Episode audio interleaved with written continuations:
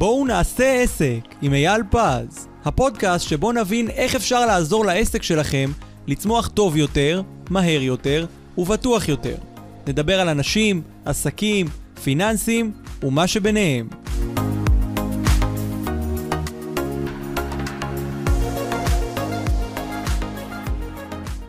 שלום לכם וברוכים לפרק חדש של בואו נעשה עסק, היי אייל. אהלן אור, שמח? להיות פה. גם אני שמח שאתה כאן, כי הולכים לדבר על uh, תחילת הדרך. לכל uh, מי שצופה בנו, מאזין לנו, וואו, הפתיחה של העסק, פתיחת עסק עצמאי, זה באמת השלב הראשון, שבאמת ככה, אחרי שאנחנו חולמים ועושים, ולפעמים גם uh, מתחילים ככה קצת להבין את השטח, אבל בסוף צריך לפתוח את זה כעסק, זאת אומרת צריך שיהיה לנו עוסק, כל הדברים החוקיים שצריך כדי uh, לפ- ל- ל- להתחיל את העסק שלנו, את כל הדברים הפיזיים שצריך. אנחנו באמת הולכים לדבר עכשיו uh, על כל הדברים האלה, ככה אני גם באמת בנקודות, כי יש המון המון דברים שיש uh, לדבר uh, בנושא הזה.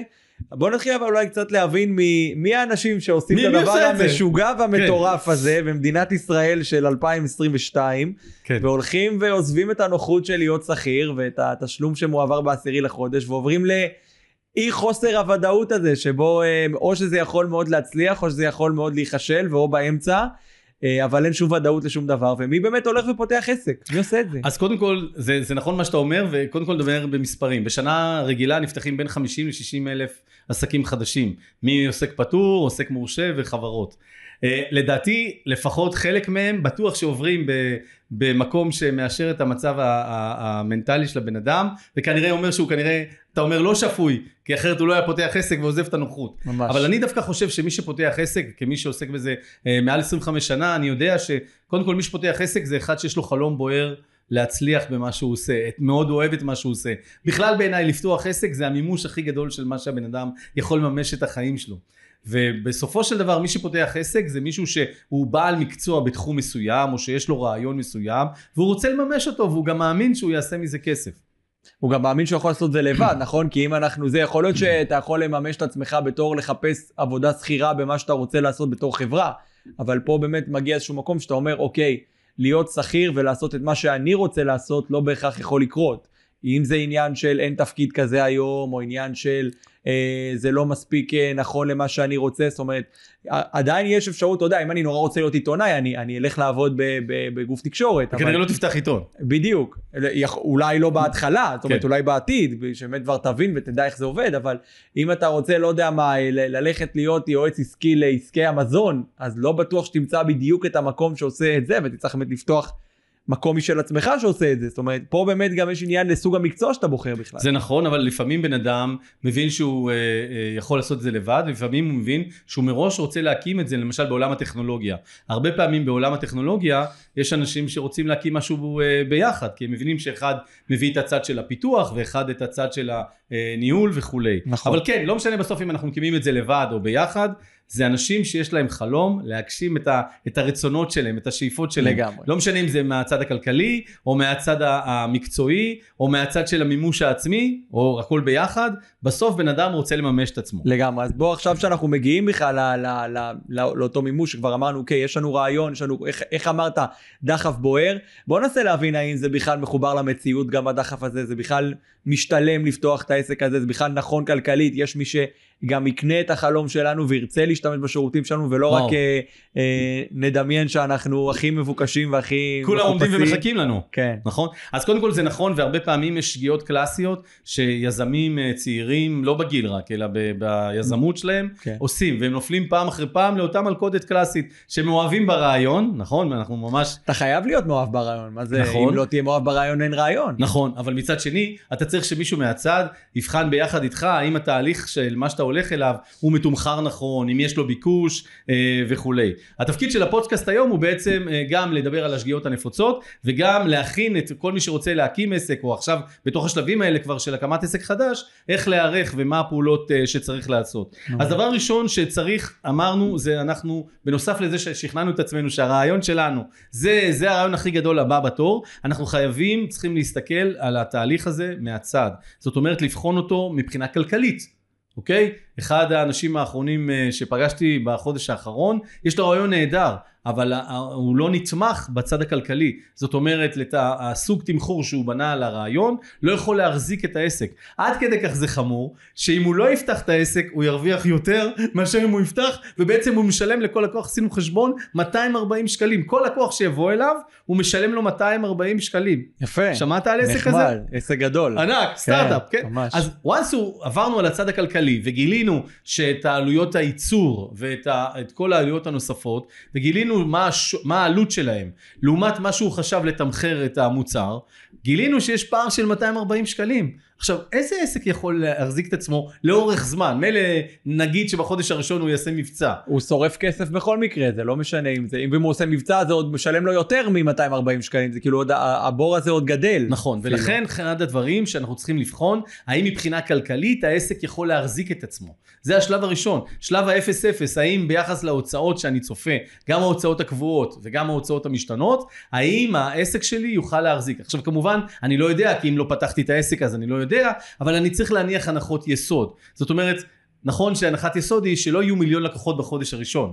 הנחת יסוד היא שאני לא ארוויח מיליון דולר בדקה הראשונה, נכון? יש דברים שאנחנו יכולים להניח, אפשר להניח הנחות סבירות או הנחות קצה, אבל עדיין צריך להניח הנחות מסוימות, מה הציפיות שלנו, כמה מוצרים, כמה שירותים נמכור, מה הצפי בחודש הראשון, בחודש השני, בשנה הראשונה, בשלוש שנים, ובהתאם לזה לבחון האם המודל העסקי שלנו הוא יכול להחזיק את עצמו. שתיים, דרך זה נדע אם צריך לגייס אשראי, ועוד מעט ניגע בזה, כמה אשראי צריך לגייס, כמה כסף צריך לגייס, כדי שנחזיק מעמד עד לאותה נקודה של ה-0-0. לגמרי, אז ואחרי באמת שאנחנו עושים את זה, הגיע באמת השלב שאנחנו בודקים את העסק שלנו, זאת אומרת, איך אנחנו בכלל בונים תוכנית, להבין מה היעדים שלנו, איך אנחנו הולכים להעלות את היעדים האלה, איך אנחנו הולכים להגיע ל break even, זאת אומרת שיש לנו באמת שוויון בין הכנסות העסק להוצאות העסק, הרבה מאוד מעסקים מפסידים בהתחלה שלהם, אפילו שלב די טבעי לעסק להפסיד בתחילת שלב הדרך ההשקעה. שלו, נכון. ואיך באמת מגיעים לשלב שבו לא מפסידים יותר, כלומר מגיעים לאותו break even ומתחילים להרוויח. נכון,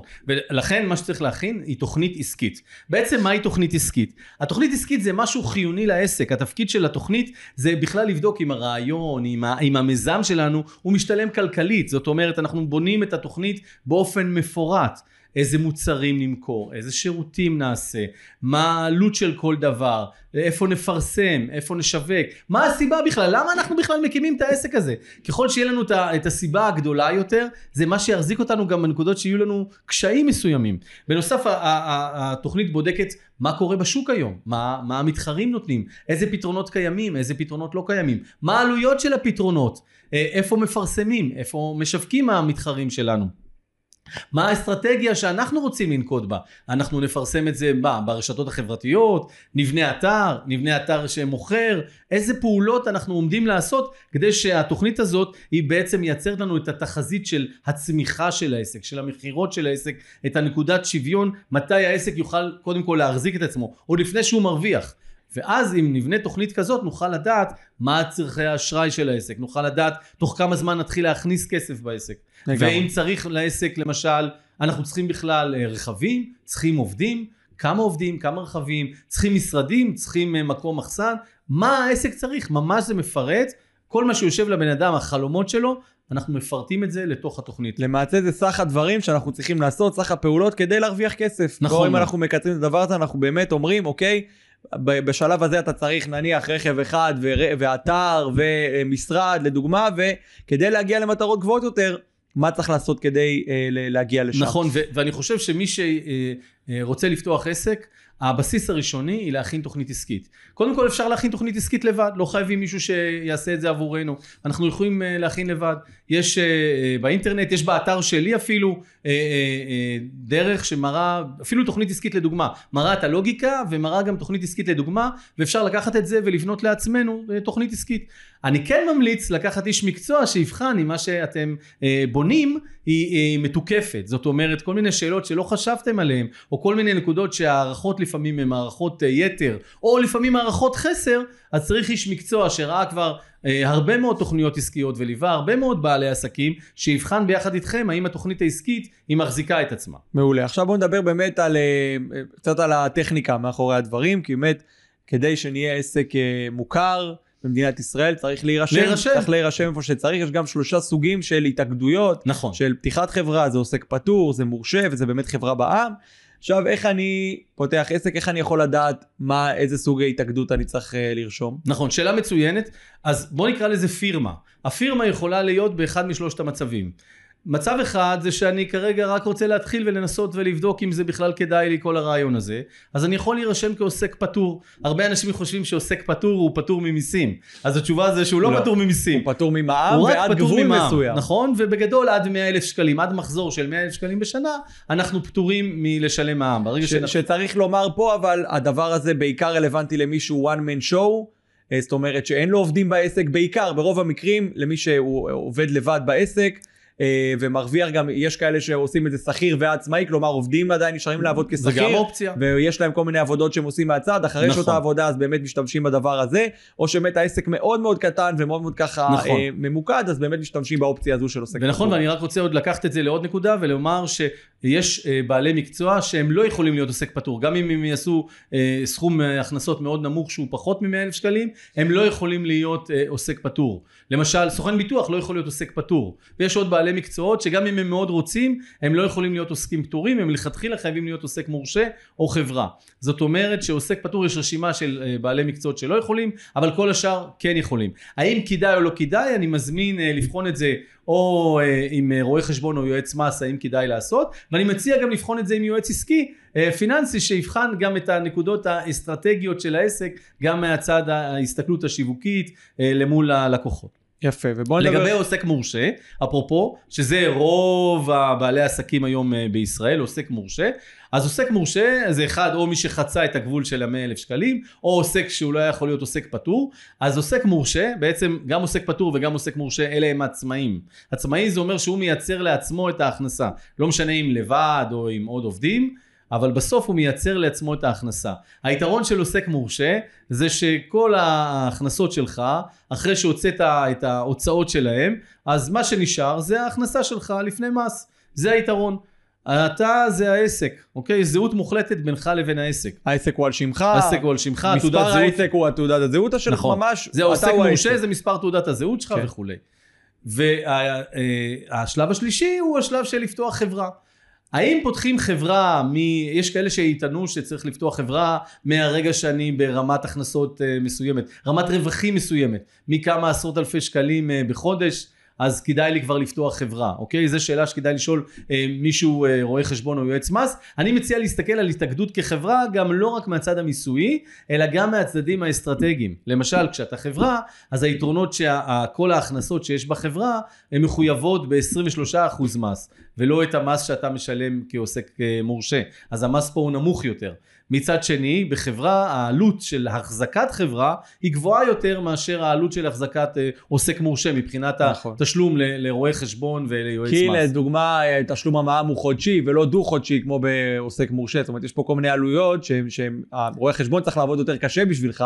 כן, לא, זה שהוא עובד חודשי זה לא עובד יותר קשה. לא, אבל- דרך אגב, שתדע שיש חברות, רק שיש איזושהי תמונה שחושבים שחברה זה חייב להיות חודשי ולא אה, דו-חודשי. יש חברות שהן עדיין בדו-חודשי, אלא שם המשחק שבחברה, אתה, הרואה חשבון חייב לבצע מישהו מטעמו אה, הנהלת חשבונות כפולה. היועץ מס. או מנהל החשבונות שלך חייב לבצע הנהלת חשבונות כפולה.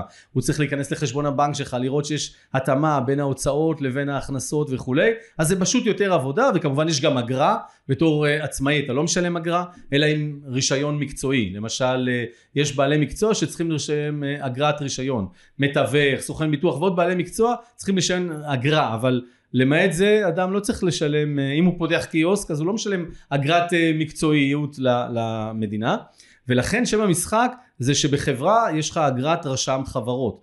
אפרופו מי שמבין בתהליך הזה, אה, כדאי לשלם את אה, הרשם, את האגרה הזאת בתחילת שנה, שאז אתה משלם בערך 400 שקלים פחות מאשר אה, מאחרי חודש מרץ כן. כמדומני. הנה- הנה טיפ קטן. אז הנה טיפ ש- קטן לחסוך עוד 400 שקלים כבר שווה כסף. יפה מאוד. אז אה, שבכל מקרה אתה צריך לשלם את זה בסוף, זה לא שאלה. אז במקום לשלם 1,500, 1,600 שקלים, אם תשלם את זה עד סוף פברואר או עד סוף מרץ, אני לא זוכר את התאריך המדויק. בקיצור, בתחילת שנה חסכת 400 שקלים, זה הרבה כסף. לגמרי. אז האם להתאגד בצורה כזאת או אחרת, זו שאלה מקצועית לרואה חשבון מהצד המיסויי, אבל יש פה שאלות שהן אסטרטגיות. למשל, כשאני חברה, אז הרבה פעמים יש חברות אחרות במשק שמוכנות לעבוד רק עם חברה. יש שאלה משפטית, כשאני חברה, אז החברה היא המחויבת ולא האדם. כן, מבחינה מה משפטית. זה בעצם בע"מ? זה בעירבון מוגבל. כלומר, בעל העסק או בעל המניות בחברה לא מוחזק באחריות כלפי. החובות שקורים בחברה. לדוגמה, אם עכשיו לצורך העניין, חס ושלום, החברה נקלעת לקשיים כלכליים ומוצא איזשהו אה, אה, אה, צו נגדה או דברים כאלה, אז בעל העסק עצמו הוא לא מחויב בצו הזה. זאת אומרת, הנכסים של החברה, הדברים שיש בבעלות החברה, חשבונות הבנק של החברה וכולי, הם אלה שצריכים לשלם את אותו צו, את אותו נכון. חוב. וכמו שאמרנו בפודקאסט אחד הקודמים שהעברתי כאן, דיברנו על העניין שחברה יכולה עם ההכנסות שלה לקנות לעצמה רכוש או עסקים נוספים, נכון. ואז בעצם היא לא משלמת מס. בדיוק. ואז היא חוסכת לעצמה את תשלום המס, והיא יכולה על ידי ההכנסות של החברה להגדיל את הרווחיות של העסק. יפה מאוד. בוא נדבר, אז אחרי שאתה גם את הדבר הזה, וזה באמת כמו שאמרנו שאלה שצריך אה, להתייעץ בה בצורה פרטנית, ספציפית, כל יחד עם אנשי במקרה מקצוע. אה, בוא נעבור למשהו שבכללי הוא טוב, לכל מי שפותח אה, בעל עסק, זה לא תמיד קורה בשנייה הראשונה, אבל בסוף שזה קורה זה, זה כבר נהיה מצב בלתי נמנע. אנחנו נכנסים לעסק שלנו עם חשבון בנק אחד, שבדרך כלל הוא החשבון הפרטי שלנו, מי שהיה שכיר אז באמת קיבל את המשכורת שלו לחשבון הזה, התנהל בצורה הזאת, ואז פתאום נכנסה ישות חדשה לתוך העולם הזה. עסק. עסק שבאמת העסק הזה גם יש לו את ההוצאות ואת ההכנסות שלו והערבוב הזה בין שני הדברים בין התא המשפחתי לבין התא העסקי יוצר הרבה מאוד בעיות בחשבון הבנק אז בעצם נוצר לנו איזשהו חיוב לנהל את שני הדברים האלה באפיקים נפרדים ובאמת אין, אין חיוב. אין, אני אין חיוב. חושב תראה כן. בתור אחד שעבר את התהליך הזה לפני כמה חודשים אני חושב שזה חיוב כי כשאתה רואה את, את ההוצאות של העסק וההכנסות של העסק במקום אחד ואתה רואה את ההכנסות וההוצאות הפרטיות במקום אחד אז א' יש לך יותר הבנה כמה בין איך, איך אני בתור בן אדם האם ההתנהלות הכלכלית שלי האישית של אור היא נכונה או לא. לעומת ההתנהלות העסקית וכששניהם ביחד אתה לא יכול לדעת מה ההוצאה העסקית ומה ההוצאה הפרטית זאת אומרת האפשרות שלך לעקוב אחרי ההתנהלות הכלכלית שלך מאוד מאוד קשה. נכון. אבל שוב נחזור, אין חיוב אין מבחינת חיוב החוק. בזה לא. החוק לא, מחייב. זה נכון. ודרך אגב, מי שיעץ לך לפתוח חשבון בנק פרטי וחשבון בנק עסקי, כן. עשה יש, בשכל. יש לו שני אגודלים וקוראים לו מה שנקרא אה, אייל. אה, מעולה. אז נכון, אז כמו שהמלצתי לך לפתוח חשבון אה, פרטי וחשבון עסקי, החשיבות של זה היא לא בגלל שיש חיוב, אלא בגלל שכשאנחנו מערבבים אז נהיה לנו סלט. נכון. ואז נכנס הרבה מאוד כסף, אנחנו רואים כל מיני כניסות של כספים, ולא מבינים שכעסק יש לנו עוד כמה שותפים בעסק, גם אם אין לנו אף שותף שאנחנו יודעים עליו. לגמרי. אה, קודם כל שלושת השותפים המרכזיים הם מע"מ, מס הכנסה וביטוח לאומי. לגמרי. וזה עוד לפני שיש לנו את ההוצאות שיש בעסק, את כן. העובדים שיש בעסק. שותפים וכולי. שקטים, כן, מה שנקרא. ולכן, ואחרון חביב, אם נשאר מה שנשאר, אנחנו כאילו זה אנחנו. נכון. וזה צריך להיות הפוך. ולכן כדי שזה יהיה הפוך, אנחנו חייבים, אחד, שיהיה לנו חשבון נפרד, שבו נראה את ההוצאות וההכנסות האמיתיות של העסק. את הוראות הקבע, את ההעברות, את כל הכניסות וההוצאות של הכספים, זה צריך להיות בנפרד. ההמלצה שלי, למרות שזה לא כל כך נוח, לפתוח את זה אפילו בבנק אחר. לא באותו בנק שאנחנו מנהלים בו את החשבון הפרטי. יש לזה הרבה סיבות, אם תרצה בהזדמנות נתעכב על זה, אבל זה לא מחויב, אפשר לפתוח את זה באותו בנק, אז זה יותר קל. אבל לא תמיד מה שקל זה מה שמשרת את העסק שלנו. נכון. ולכן ההמלצה שלי היא לפתוח את זה בבנק אחר, שיש לו מחלקה מסחרית רצינית. לא בכל סניף בנק יש מחלקה רצינית אה, מסחרית. בכל בנק יש מחלקה מסחרית, אבל לא בכל סניף בנק יש מחלקה מסחרית. אז אני מציע לפתוח את זה במקום שיש בו מחלקה מסחרית בסניף הבנק. יפה. אז זה אחד. שתיים, צריך שיהיה לנו חשבון נפרד. צ'קים נפרדים, אה, כרטיס אשראי נפרד, ניהול נפרד, ואז אנחנו נוכל לראות דרך המערכת שאנחנו עושים, מה ההכנסות, מה ההוצאות שלנו, נוכל למדוד האם העסק הוא כלכלי, גם נוכל להעביר לעצמנו כסף, זוכרים? הרי בסוף הקמנו את העסק עם כל הכבוד לכולם, כדי שאנחנו נתפרנס ממנו. נכון. ולכן חלק מהעניין הוא להעביר הכנסות מהעסק שלנו לחשבון הפרטי. הרי. אם היינו שכירים, לא היינו מקבלים משכורת לחשבון הפרטי. נכון. אז הנה המשכורת שלנו. ככה מעולה. אנחנו גם יודעים אם אנחנו מחזיקים את העסק והוא כלכלי לנו. מעולה. דיברנו קצת קודם על אה, באמת אה, על, ה, על הדרך שבה אנחנו פותחים עסק, אנחנו לא יכולים לבוא וישר זה מרוויח וישר זה, אלא באמת לי תקופה של בניית העסק, של הסתגלות לעסק, של כל הדברים האלה שבאמת גורמת לכך שאנחנו צריכים איזשהו אשראי, איזשהו מימון. נכון. אז בואו באמת נדבר על הדבר הזה. אז כל עסק שהוא מקים את עצמו, אם הוא בנה תוכנית עסקית, אז הוא יודע מה הולכות להיות ההוצאות שלו בחודשים הקרובים, בפתיחת העסק. למשל, יש הוצאות קבועות. אם אני מקים אה, בית דפוס, אז נכון שאני צריך מכונות? אני לא אקנה מכונה כל חודש, אבל את המכונה הראשית שמייצרת לי את הכסף, אני צריך לקנות בחודש הראשון. ואם המכונה הזאת עולה 50 אלף אה, דולר, אז אני צריך אשראי, אה, אני צריך לממן את זה באיזושהי דרך. נכון. או מהכיס שלי, או ממשקיעים, או מגוף שקוראים לו בנק או גוף חוץ בנקאי. אז אם בניתי תוכנית עסקית, אני יודע לכמה זמן אני צריך את הכסף הזה כדי להחזיר אותו. אוקיי, לקחתי 50 אלף דולר כדוגמה רק על המכונה. אני הרי לא יכול להחזיר את כל החמישים בחודש הראשון או בשנה הראשונה, אז אני צריך לפרוס את זה. נכון. אז בתוכנית עסקית רצינית, אני רואה לכמה זמן אני צריך לפרוס. אני רואה כמה עובדים אני צריך, אני רואה מה המקום שאני צריך, מה הציוד שאני צריך, אוקיי? גם אם אני מקים עסק של שירותים, שכאילו על פניו בעולם של שירותים, מה אני צריך? קצת אה, מחשב ו- וטלפון אה, סלולרי ואולי רכב? כאילו כמה כבר אני צריך? כן, אבל צריך. יש השקעה בטכנולוגיה, נכון? יש השקעה בידע מקצועי, יש השקעה בזמן עבודה שלנו, גם זה זמן. לגמרי. זמן שאנחנו לא מכניסים בו כסף, האלטרנטיבה שלו היא שאם היינו עובדים כשכירים אז היינו מכניסים כסף. אז גם זה כסף שנגיד הבית צריך. הרי אחד הדברים שאני שומע כמעט כל פעם מלקוח אה, אה, או בעל עסק חדש, זה איך יכול להיות שהעסק שלי מרוויח, אבל אני מפסיד כסף, זאת אומרת אני בחובות, איך זה יכול להיות? לגמרי. ו- וזה מאוד נכון, כי יכול להיות שהמודל של התמחור של העסק הוא נכון, אבל סך המכירות של העסק לא מספקות. יכול להיות שגם מודל התמחור שגוי, אבל אם סך המכירות של העסק לא מספקות את סך ההכנסות שהיינו אה, מקבלים דקה לפני כשכירים, או את סך ההכנסות שאנחנו צריכים היום, אז העסק יכול להיות רווחי, אבל הוא לא מחזיק אותנו. אז או שאנחנו מתפטרים מהעסק, או שאנחנו מכינים תוכנית רצינית מהצד השיווקי, מה צריך לעשות. לגמרי. אה, אז אמר, דיברנו על העניין הזה, דיברנו על איפה צריך לשווק, אה, מהצדדים הדיגיטליים. זאת אומרת, אני רוצה אה, לשווק, נכון? את, ה, את העסק שלנו, איזה פעולות, נכון? שאלת על איזה פעולות צריך לעשות. אז איזה פעולות שיווקיות צריך לעשות? שוב, שיפגשו עם התוכנית העסקית, הרי הכל כבר רשמנו בתוכנית העסקית, בתוכנית שלנו, לאן אנחנו הולכים להגיע, מה אנחנו הולכים לעשות. לגמרי. בוא נדבר גם קצת על עובדים. אני חושב שזה דיבר, נגעת בדבר הזה קצת, אני חושב שזה מאוד מאוד חשוב, כי לאנשים אין ניסיון בדבר הזה, אין, יש אנשים ש... עצמאים שאתה יודע נכנסים לדבר הזה ולא יודעים בכלל שצריך לשלם מס הכנסה וצריך לדאוג שיהיה סוכן ביטוח בעסק שידע לתת באמת את הצד של הפנסיה וקרנות ההשתלמות וכל הדברים האלה זאת אומרת יש פה הרבה מאוד דברים שבעל העסק בכלל לא יודע לפני שהוא נכנס לעולם הזה והופך להיות אה, מעסיק. נכון, אז מי שלא העסיק עובדים לא מבין את המשמעויות החוקיות שיש להעסקת עובדים. בתור שכירים אז uh, ראינו מה המעסיק עשה לנו אבל זה היה נראה לנו די טבעי ולא התעסקנו עם זה אבל בשורה התחתונה כשאתה מעסיק עובדים אתה צריך בעצם uh, לדאוג להם יש חוזה עבודה שאתה צריך להחתים את העובד. יש uh, uh, פנסיה שאתה צריך לתת לעובד מנקודת זמן מסוימת. יש uh, קרן השתלמות זה אתה לא מחויב אלא רק אם יש הסכם קיבוצי שחל עליך בעניין הזה בדרך כלל לא מחויבים אבל זה הסכם עבודה. יש את השכר האם זה שכר שעתי יומי גלובלי. יש רכב אולי שאתה נותן לעובד שלך אם הוא צריך רכב לצורך העבודה. אתה מגלם לו את זה לא מגלם לו את זה כל מיני דברים שהם יש בהם עלויות שבסוף כשאתה יושב והכנת את התוכנית העסקית. אם דיברנו מקודם על גיוס האשראי שאתה צריך לגייס אשראי גם לצורך העלות של ההקמה של העסק, גם לצורך המימון של השיווק הדיגיטלי ולא דיגיטלי, אז גם כאן, כשאתה מגייס כסף, אתה צריך לגייס כסף גם לטובת כמות העובדים שאתה צריך לממן אותם ל-X חודשים עד שהעסק מחזיק את עצמו. לגמרי. אוקיי? אה, ככה באמת אה, לקראת סיום אה, דרך אגב, אני רק רוצה שנזכור שאפרופו גיוס עובדים, עובדים הם לא חייבים להיות רק עובדים של העסק. עובדים יכולים להיות גם אה, אה, עובדים אה, פרילנסרים. נכון אוקיי? גם הם יכולים להיות עובדים שלנו. עובדים יכולים להיות גם לא עובדים, אלא ספק.